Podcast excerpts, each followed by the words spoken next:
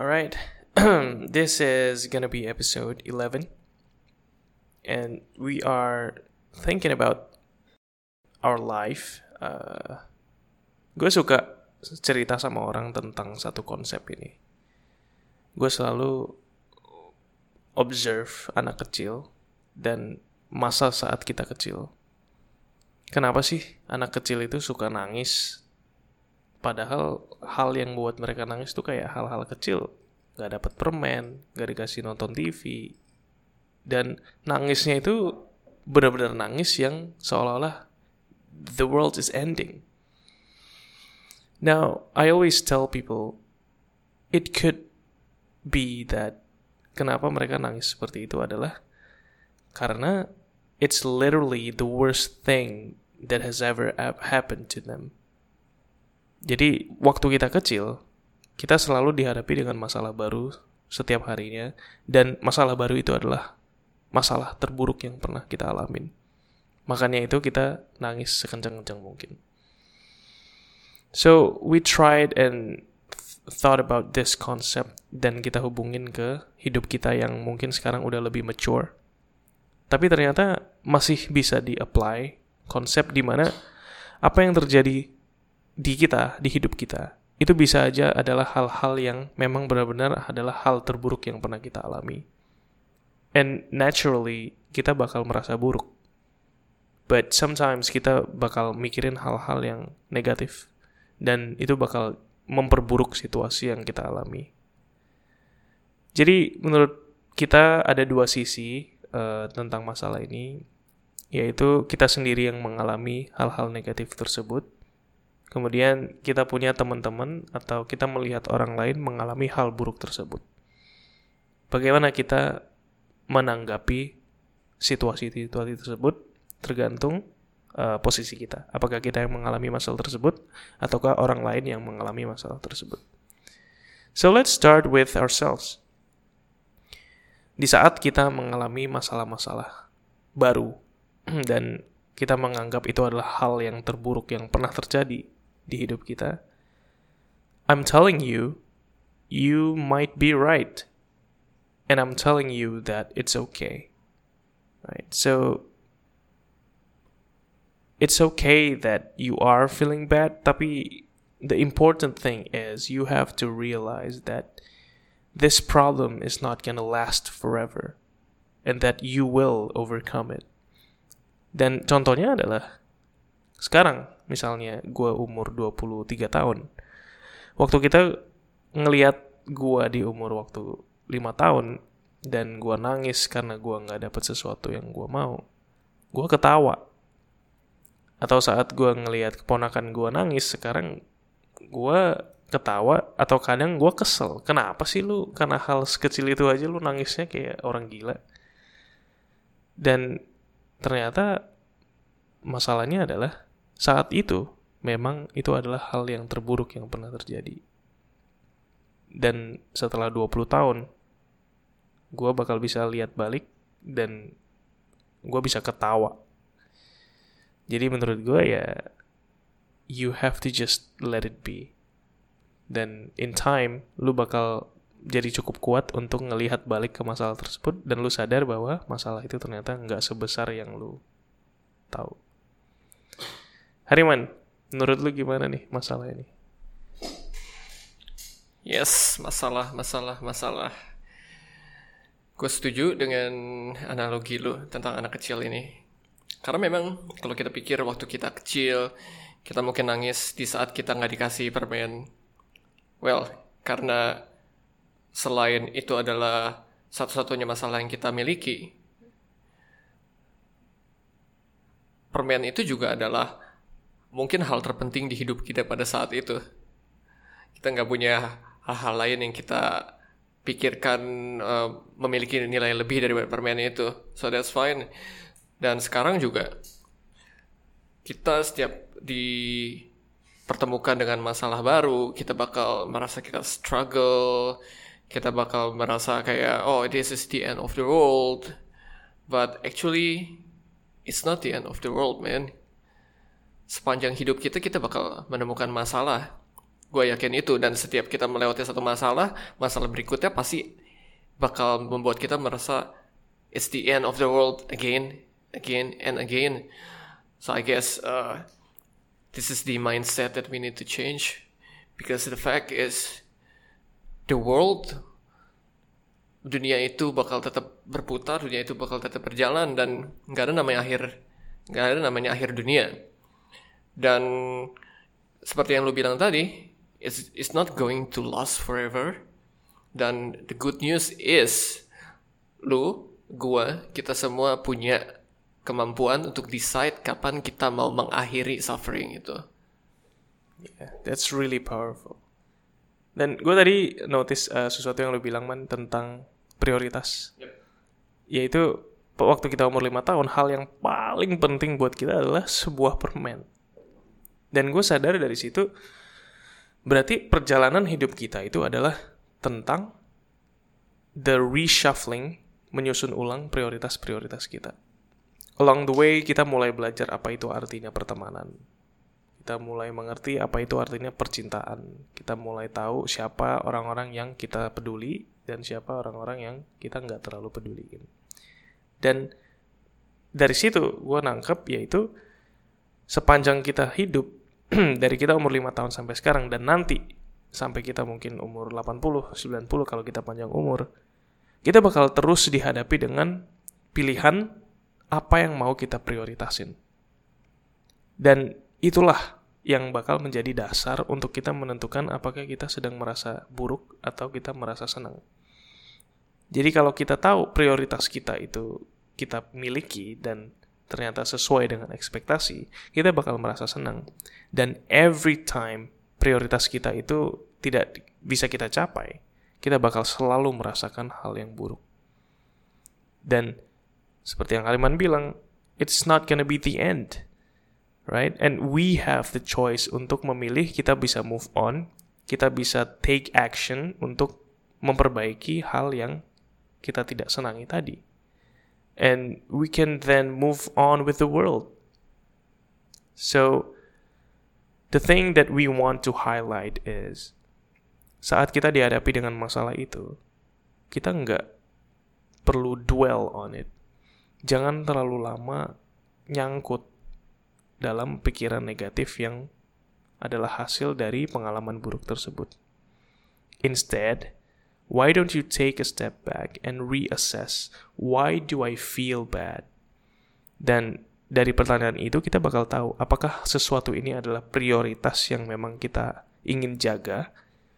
Kalau jawabannya iya, then work for it do something to fix whatever it is that's wrong about what you experience. Dan dari situ kita sadar kan bahwa kita bisa melakukan sesuatu.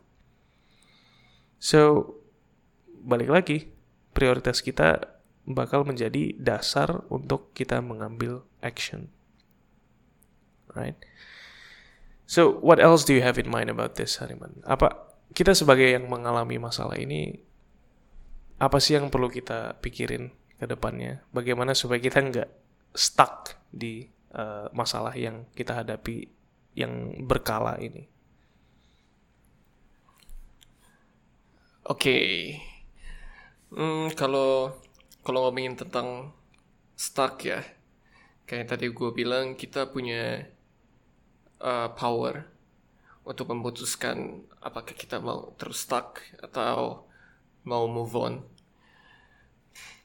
Tapi sebelum kita uh, terjun ke masalah kayak kita sadar bahwa kita punya power atau enggak itu, gue mau bahas tentang sebuah pattern yang mungkin uh, kita semua pernah alami, mungkin teman-teman semuanya bisa relate, yaitu di mana di saat kita dihadapkan dengan sebuah masalah, dari masalah kecil bi bisa menjadi masalah yang besar karena pikiran-pikiran negatif kita. Ini benar-benar sebuah pattern yang mengerikan menurut gue. Let's say, misalnya gue lagi hmm, mau ketemu temen nih, ngajak temen gue ketemuan karena temen gue itu temen ya, orang yang penting buat gue but then dia nolak buat ketemu gue dan itu jadi masalah buat gue karena well teman gue itu important buat gue dan this is a very big issue for me. So gue merasa kayak tertekan dan mungkin gue bakal bakal memikirkan sesuatu yang makin negatif menghubungkan hubungkan menghubung-hubungkan masalah kecil ini ke masalah yang lebih besar. Seperti mungkin gue merasa oh gue orang yang gak disukai gue orangnya kok kok gue orang yang jahat sampai temen gue nggak mau ketemu sama gue dan mulai mikir kayak oh gue tuh nasibnya sial banget sih. Dan merasa kayak oh dunia itu benar-benar benci sama gue itu sebenarnya pemikiran yang salah tapi gue bakal bilang, feeling lu apa yang lu rasakan, feeling lu bahwa lu merasa terlukai, bahwa lu merasa tertekan di saat temen lu nggak mau diajak ketemuan, gue yakin itu benar-benar apa yang lu rasain. Dan itu nggak salah. Tapi kalau lu mulai memikirkan bahwa dari sebuah masalah kecil di mana temen lu nggak mau diajak ketemuan menjadi masalah yang benar-benar personal buat lu, mikir bahwa dunia itu benar-benar nggak suka sama lu, pengen lu pergi dari dunia, bla bla bla, itu lu benar-benar salah. Karena in fact, menurut gue, it just happens because because it happened. Bukan karena dunia itu nggak suka sama lu, it just happens, man. Yeah, it's not like the world is conspiring against you. Nggak ada forces di dunia ini yang apa ya benar-benar niat dan purpose-nya adalah untuk bikin hidup lu jadi susah. But I think it's normal sih man, kayak manusia itu emang wajar. Manusia itu suka mencari pattern. We love explanations. Kita suka kalau kita ngerti apa sih yang terjadi ke kita dan kenapa ini terjadi ke kita. Makanya apa pun yang terjadi, buruk dan baik, kita selalu menghubung-hubungkan itu dengan hal-hal yang di luar dari kontrol kita karena we don't like admitting that we don't have control. Jadi kalau kita mengalami sesuatu yang buruk, pasti ada alasannya nih bro. Pasti ini terjadi karena sesuatu alasan yang lebih besar dari gue yang gue nggak bisa ngerti. In a way, it's a helpful mindset karena it helps you stay sane. Jadi kalau lu beruntun menghadapi hal-hal yang buruk, lu masih bisa percaya bahwa masih ada harapan dan sesuatu ini terjadi karena nanti lu bakal dapat sesuatu yang lebih baik. But it becomes a problem kalau lu terlalu reliant akan ide ini. Lu terlalu menganggap sesuatu itu terjadi karena lu punya tempat yang spesial di dunia ini. Sehingga apa pun yang terjadi itu bakal revolve around you. That is gonna be a problem lu bakal mulai lebih egois karena dengan mindset bahwa semua itu terjadi karena ada lu, lu bakal mulai mengacuhkan hal-hal lain yang mungkin bisa lu lebih kontrol. Jadi yang pengen gue sampaikan adalah it's okay kalau lu mau merasa dan menganggap bahwa apa pun yang terjadi itu ada alasan dan semua itu bakal lebih baik nantinya. Which is true, everything is gonna be fine in the end. But jangan pernah ngelupain bahwa ada hal-hal yang bisa lo kontrol, which is yourself, your attitude, your mindset, dan semua itu tuh bakal bisa membantu lo keluar dari masalah yang lo hadapin. Tapi kalau lo nggak sadar bahwa lo punya pilihan tersebut, then you will forever be stuck in that position and I don't want that to happen to anyone. So I guess that's the important message I want to say. Hariman, ada yang mau ditambahin? Gue mau uh, bahas sedikit lagi tentang mindset uh, the world revolves around me or you. Ini gue nggak tahu cara menyampaikannya dengan lebih halus sebenarnya dan mungkin uh, agak ngedrift dari topik kita sedikit. But I just want to say this is what I think is true. Kita itu manusia. Manusia di dunia ini banyak dan kita itu benar-benar makhluk-makhluk yang sebenarnya insignifikan. tapi bisa melakukan sesuatu yang signifikan. Gue bilang insignificant karena lu pikir sekarang gini, lu mengalami masalah, lu terluka, lu dwell on this issue, the world won't stop, the world will still be spinning. Bulan masih keluar di malam hari, matahari masih keluar di siang hari. It's still there gitu loh. Tapi lu pikir kita manusia insignifikan, kita se, se, se, tidak itu loh. Tapi kita juga punya kekuatan yang bisa membuat sesuatu memberi dampak yang signifikan. Bayangkan kalau kita terus duel di sini, the world is still there, nothing bad, nothing good happens, then that's just it. But kalau kita decide buat move on, buat melihat sesuatu dengan perspektif yang lebih positif, kita bisa membuat impact yang signifikan kepada dunia. Kita bisa menggunakan waktu kita yang tadinya kita gunain untuk dwelling on this issue, untuk melakukan sesuatu yang memberikan dampak positif kepada orang, teman lo, lo diri lo sendiri, or kayak lingkungan lo. Dan yes, Yep. The world won't stop for you. Yeah, the time won't stop for you. yes, the world won't stop with oh without you. Tapi kalau lu tapi kalau kalau lu bisa menjadi meng, mengad- mengadopsi eh, mindset yang positif, lu bisa membantu dunia yang berputar itu menjadi lebih baik. Wow, I really like that. Kita se-insignifikan kita, kita masih bisa membantu dunia menjadi dunia yang lebih baik dengan cara-cara apa pun itu, sekecil apa pun itu. So recognize that dan keep on contributing to yourself, to others, to the world. Alright, so there's another side to this Hariman, yaitu saat kita melihat orang lain mengalami masalah dan kadang kita bisa mikir kayak kayak tadi kayak waktu gue bilang contoh ke gue ngelihat keponakan gue nangis karena hal-hal sekecil apa pun itu. Tapi kadang lu bisa kesel kan? Apaan sih ini anak kecil nangis? Terus stop lah. Nah di situ gue ngerasa gue gagal menyadari bahwa dulu gue kayak gitu dan itu wajar kalau terjadi.